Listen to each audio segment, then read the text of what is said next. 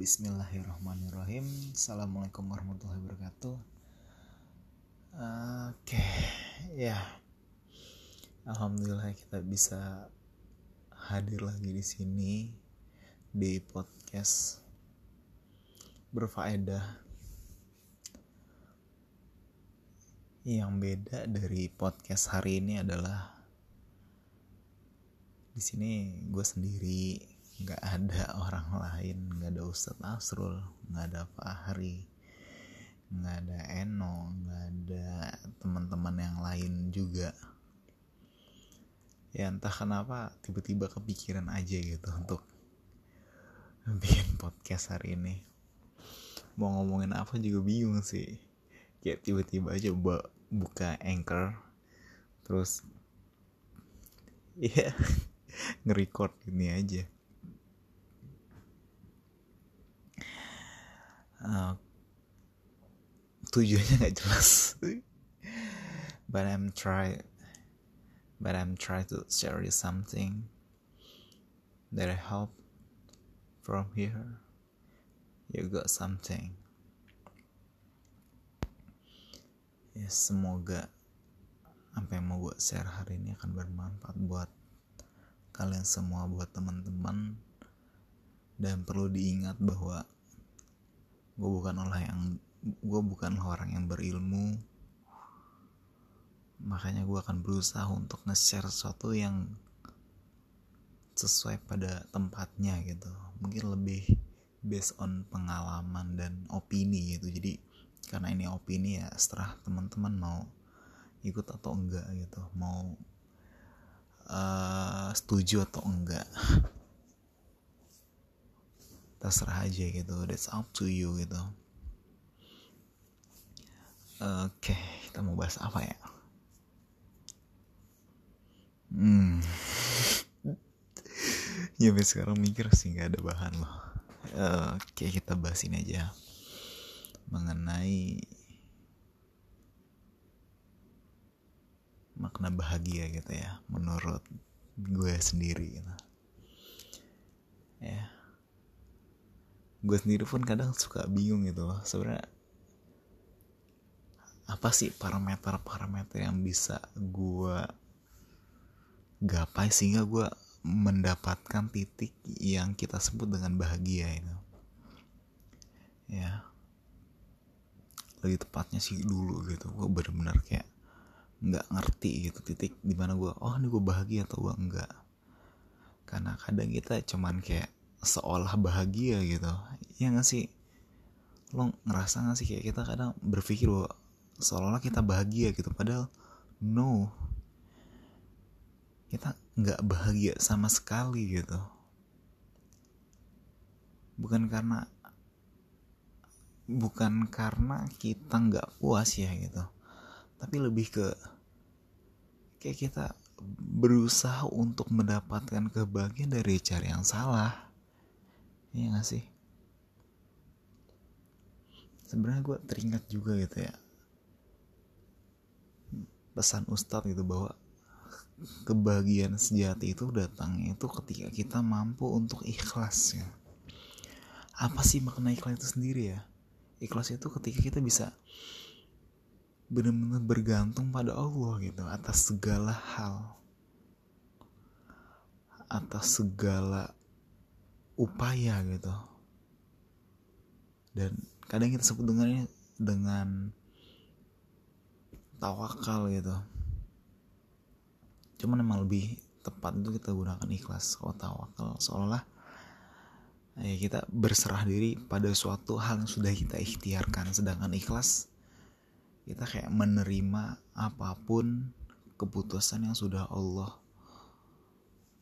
kasih buat kita dan bahkan makna ikhlas jauh lebih dalam gitu. Ikhlas itu kita murni gitu. Murni uh, menggantungkan diri kita pada Allah gitu. Untuk ibadah untuk urusan tauhid. Tauhid rububiyah tauhid uluhiyah asma wa sifat gitu. Ya. yeah la ma'budah bihaqqin illallah. La ma'budah bil haqqin illallah.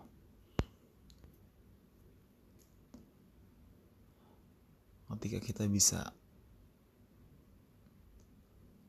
meyakini bahwa Allah itu adalah Tuhan yang berhak gitu untuk kita sembah dan tiada yang lain lagi gitu just Allah.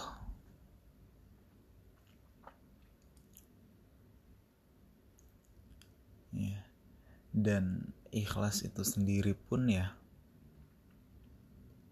memaknai bahwa setiap hal yang terjadi setiap hal yang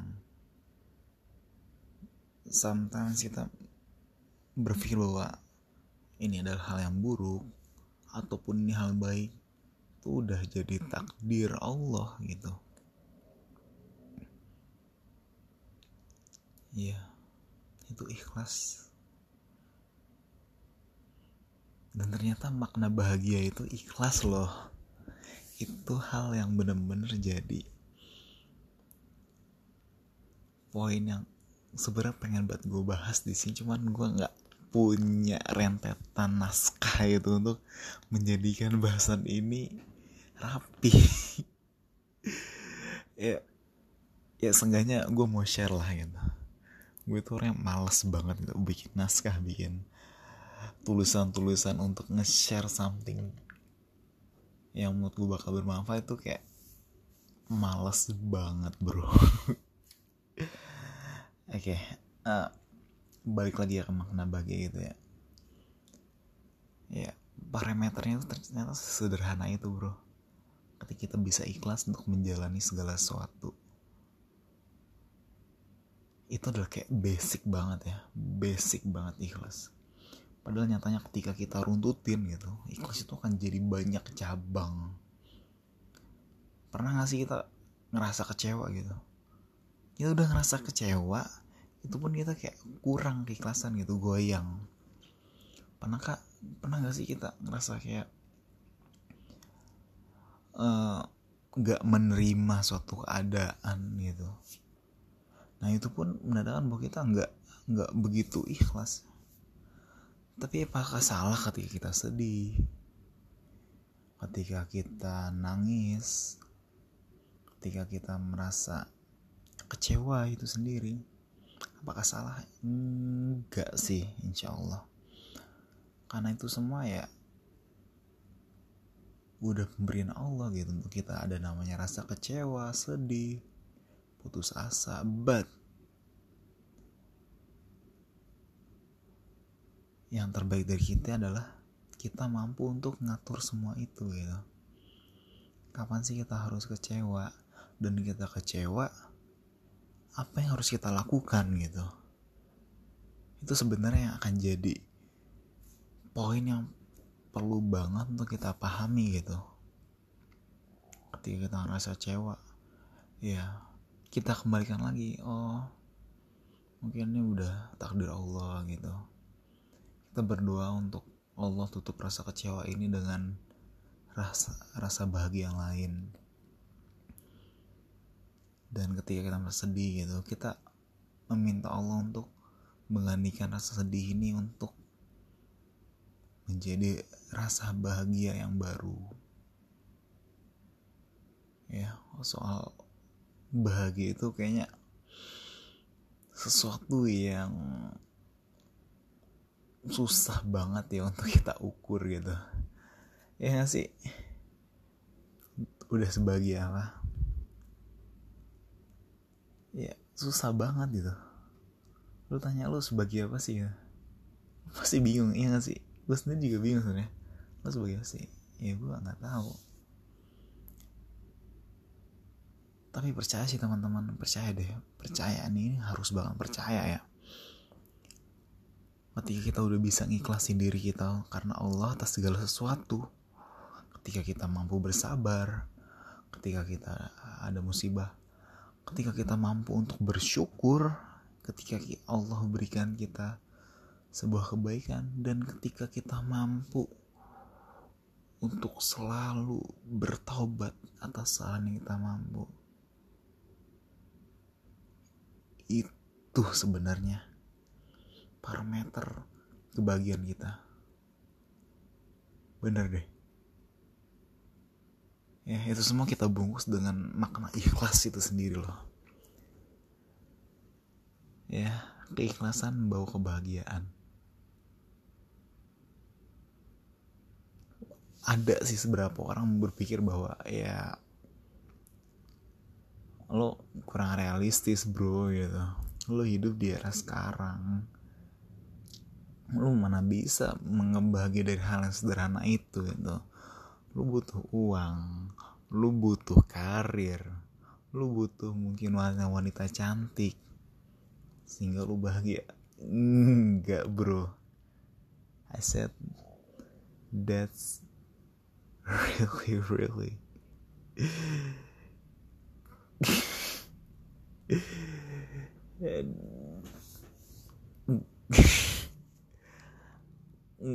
Gue kaget aja gitu. Ada orang berpikir kayak gitu loh ya ada sih itu tapi ya aneh aja gitu. Padahal kita kan semua tahu bahwa ya Allah itu yang kebaikan hati kita gitu. Sampai kita pun disunahkan untuk membaca, membaca doa kan ya mukallibal qulub Tabit kolbi ala dinik. Ya Allah yang maha balikan hati Balikanlah hatiku kepada agamamu. Allah tuh yang bisa bolak balikan hati kita gitu. Allah tuh yang bisa menjadikan hati kita bahagia ataupun bersedih. Jadi kenapa kita harus mikir bahwa kita bisa bahagia dengan hal-hal duniawi gitu loh. Sedangkan Allah sebutkan bahwa dunia nggak jauh lebih baik daripada sayap semut gitu. Dan dunia jauh lebih buruk daripada bangkai kambing. Itu udah pernyataan yang lugas ya dan for the fact gitu kita bakal ngeliat fakta-fakta bahwa orang-orang kaya orang-orang yang punya jabatan orang-orang yang punya wanita cantik di luar sana itu banyak yang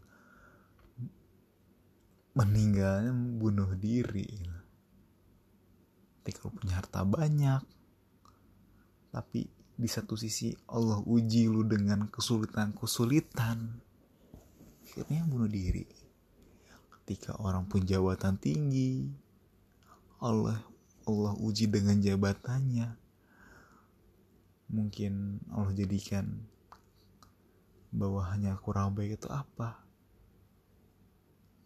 Akhirnya dia nggak merasa bahagia. Allah beri dia wanita cantik namun bukan wanita yang soleha. Allah uji dia dengan istri-istrinya gitu. Karena ujian Allah itu pasti datang gitu. Supaya kita bahagia itu adalah kita coba untuk menerima itu gitu. Menerima itu dan kita ambil hikmah dari segala kejadian yang udah ada kalau menurut gue ya hal itu sebenarnya sih yang bisa ngebangun rasa bahagia untuk diri kita. Setuju gak sih? Iya gak sih? Coba deh lu pikirin deh. Karena kalau kita patokan bahagia dengan hal-hal yang kayak duniawi gitu itu nggak pernah cukup gitu. Kita butuh mematokkan bahagia itu dengan rasa penerimaan gitu rasa penerimaan dengan segala hal yang terjadi. Dan kita coba convert hal tersebut sebagai sebuah hikmah gitu. Ketika kita Allah timpakan dengan kebaikan gitu kita bersyukur. Kita kembali ke Allah alhamdulillah gitu. Allah udah ngasih banyak kebaikan. Dan setibanya Allah timpakan dengan keburukan gitu. Dengan kejadian-kejadian yang kita tidak suka kita bersabar. Dengan sabar itu kita bahagia gitu. Kita merasa bahwa oh gitu. Mungkin ada hikmahnya. Dan sering banget ya kita pernah nggak sih ya kita ngerasa gini? Uh, kita merasa hal buruk terjadi sama kita. Dan setelah berapa waktu setelahnya gitu mungkin sehari mungkin seminggu setelahnya setahun setelahnya bahkan lima tahun atau sepuluh tahun setelahnya kita baru merasa bahwa apa yang udah terjadi itu ternyata hal yang baik loh buat kita. Ya. Kayak mungkin seberapa dari teman-teman ada sih ngerasa kayak gue gitu. Ya. Gue ini bukan hal yang buruk sih. Ini hal yang baik. Tapi gue anggap hal ini dulu itu buruk ya. Ya dulu dulu gue pernah dapat PTN gitu pernah dapat di jurusan yang baik pula. Waktu itu termasuk jurusan terfavorit. PTN juga bagus. Jurusan favorit juga. Dan karena iya satu dan lain hal gitu.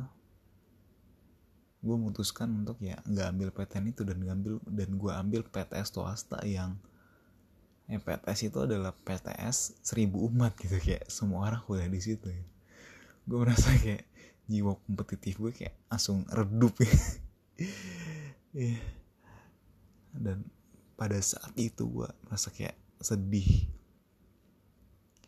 tapi sekarang gue bersyukur ya apa yang buat gue bersyukur pertama ya gue bisa lulus cepet gitu gue bisa lulus mungkin gak yang kayak tiga setengah tahun sih empat tahun normal. Tapi seenggaknya gue bisa normal. Gue liat beberapa teman gue yang dia PTN bagus banget malah. Sampai sekarang gak lulus lulus. Sedangkan gue udah dua tahun ini kerja alhamdulillah. Terus juga gue lihat ada temen-temen gue yang mereka masih sibuk sama skripsinya. Mereka nggak dapat kerja udah lulus nggak dapat kerja? Itu poin pertama. Poin kedua apa? Di sini gue bisa dapat relasi yang bagus banget ya Allah. Dan sekarang gue bisa kerja di perusahaan yang masya Allah bagus banget. Saya pekerjaan bagus. Secara benefitnya juga alhamdulillah gitu. Gaji tercukupi kapasitasnya bagus. Dan poin ketiga ini adalah yang paling the best sih. Dan mewakili sebenarnya segala poin ya. Kalau dibikin poin satu-satu itu jawabannya kayak mungkin ada ribuan poin gitu.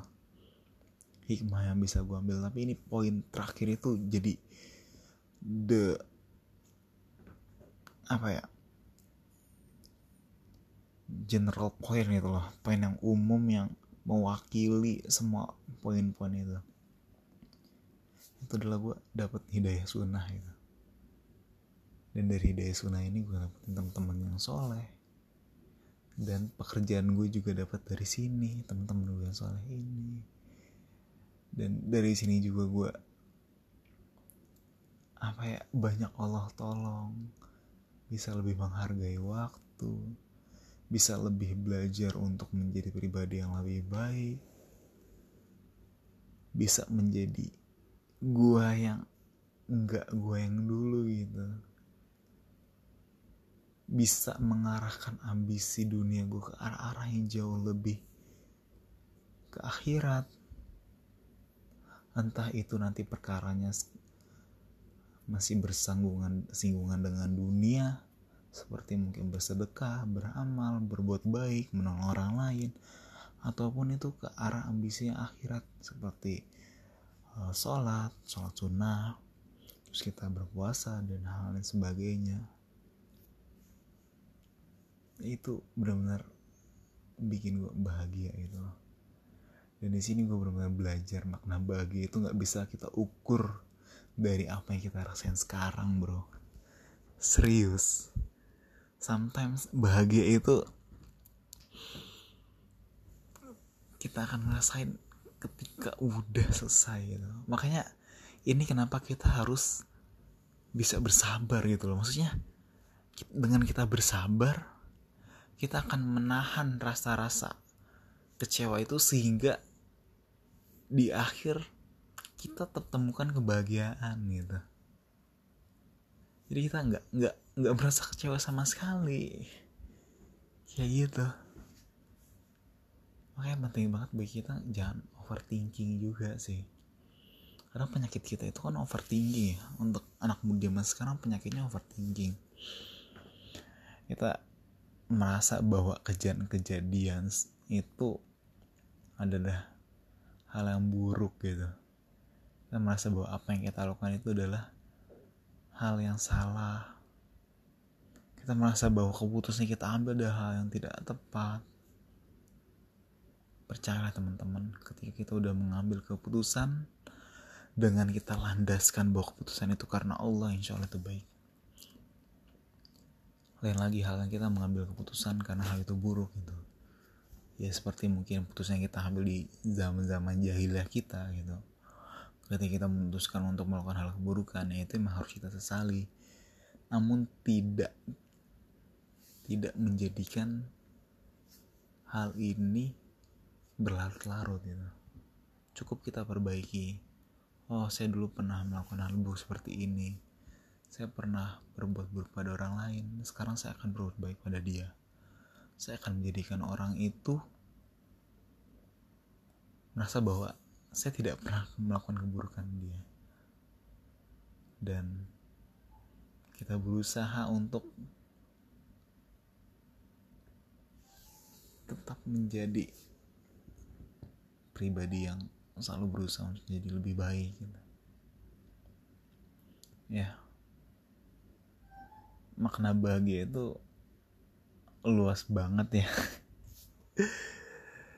Sih kayak dikasih waktu sejam pun nggak cukup ya buat ngobrol mengenai kebahagiaan itu sendiri. Karena emang pada intinya adalah bahagia itu ketika kita bisa ikhlas itu sendiri sih. Kita bisa mengambil hikmah dari setiap kejadian yang ada gitu. Entah kejadian kejadian baik atau buruk. Oh ya. Di balik itu semua sebenarnya ada sih. Kayak semacam uh, parameter khusus yang bisa menjadi patokan bahwa kita itu bahagia gitu. Ya ini tanda berarti kita udah bahagia gitu kalau ini kalau menurut gue ya ketika kita udah punya lingkungan yang bagus bagus dalam artian udah ngerti sunnah udah bisa ngebawa kita pada hal baik yang dengan mereka itu kita merasa bahwa kita itu enggan banget yang melakukan keburukan itu. Kita selalu termotivasi untuk melakukan kebaikan. Ya itu parameter pertama. Lingkungan yang baik sahabat yang baik. Yang kedua ketika kita udah bisa ngebawa kepercayaan orang tua kita lagi gitu. Yang mungkin dulu kita orangnya nggak bener suka durhaka sama orang tua suka berbuat buruk dan sekarang orang tua kita merasa bahwa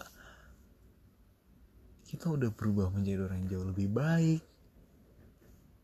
Orang tua kita merasa bahwa kita ini adalah anak yang membanggakan gitu. Ngomong soal orang tua emang orang tuh bisa jadi parameter yang bagus banget sih buat kita mengukur apakah kita udah menjadi lebih baik atau enggak. ya ketika kita udah bisa memaafkan diri kita sendiri gitu. Kita merasa nggak ada yang salah dari apa yang pernah terjadi di masa lalu mungkin. Yang memiliki orang tua yang karaknya keras itu mungkin. Coba deh kita mulai sekarang ambil hikmah dari itu semua gitu.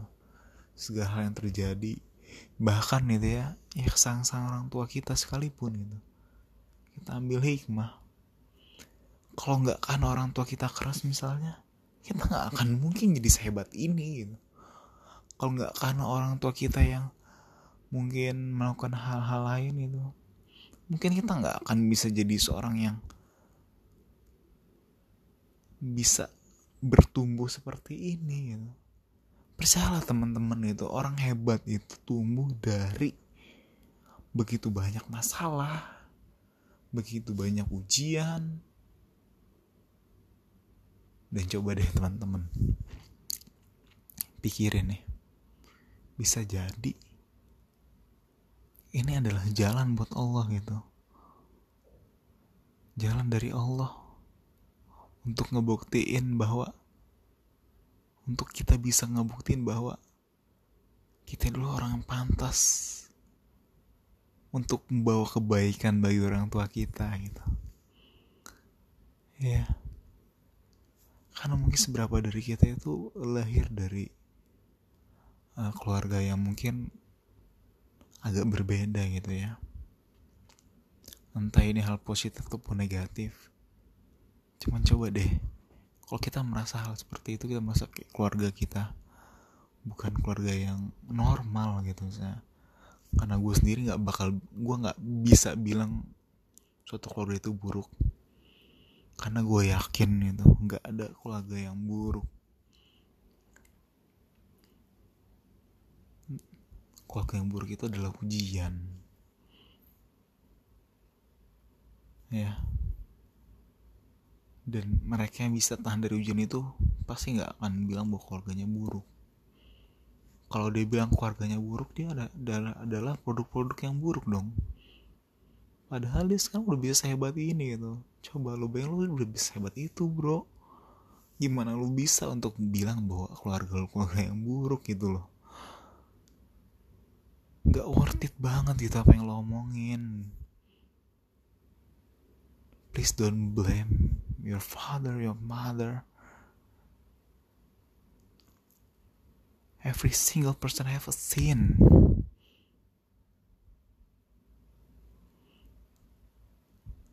Please.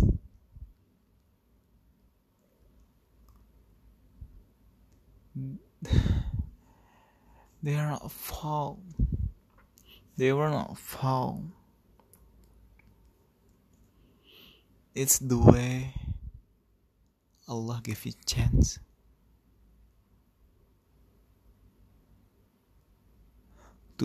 try to make it better. Ya, jangan pernah merasa bahwa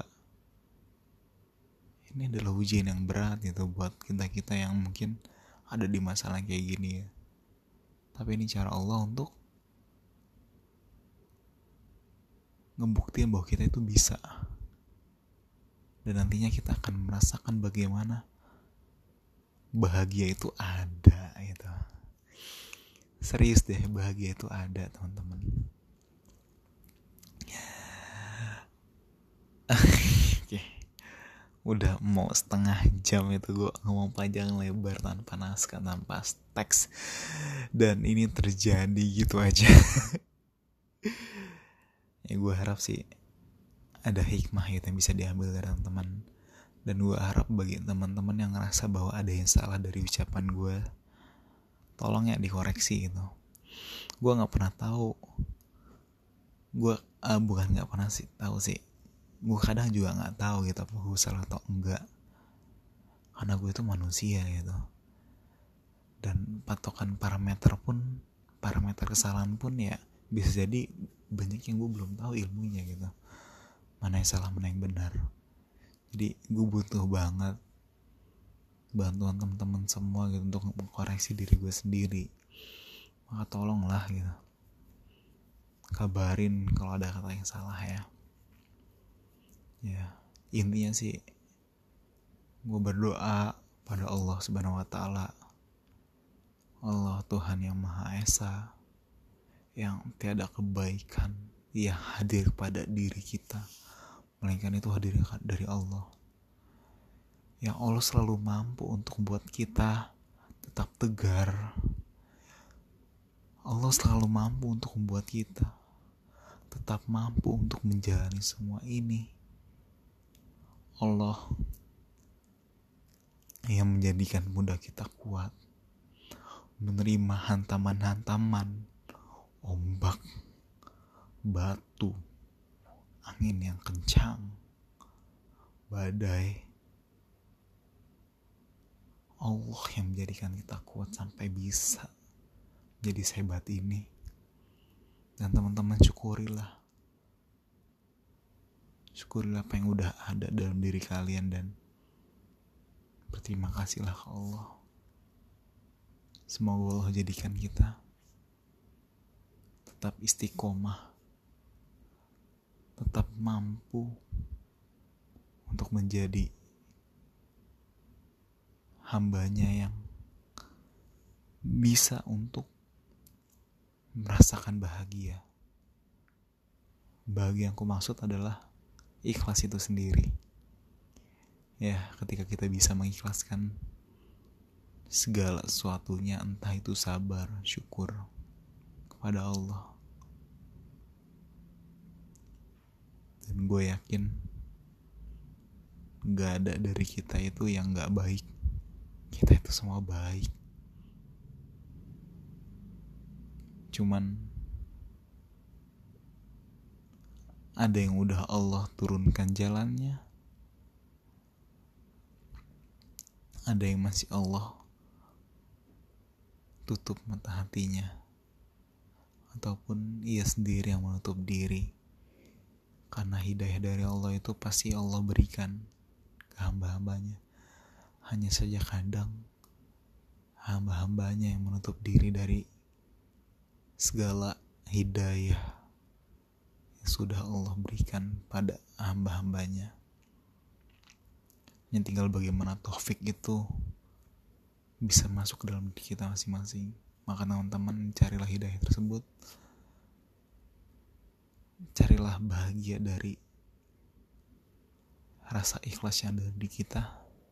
Ambil hikmah dari segala kejadian. Jangan kita overthinking. Jangan kita menyalahkan siapa pun.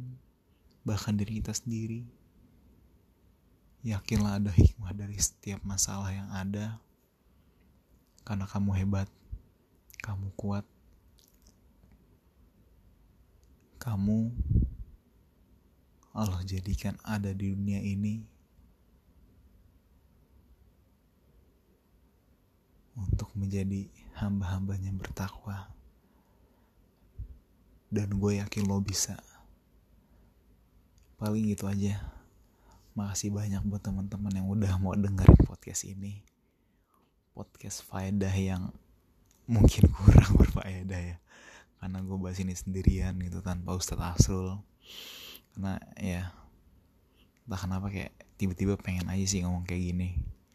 Walaupun bingung mau ngomong apa ya seenggaknya gue bisa kayak ngeluarin gitu unek-unek dalam diri gue ya paling itu aja. Sekian, wassalamualaikum warahmatullahi wabarakatuh.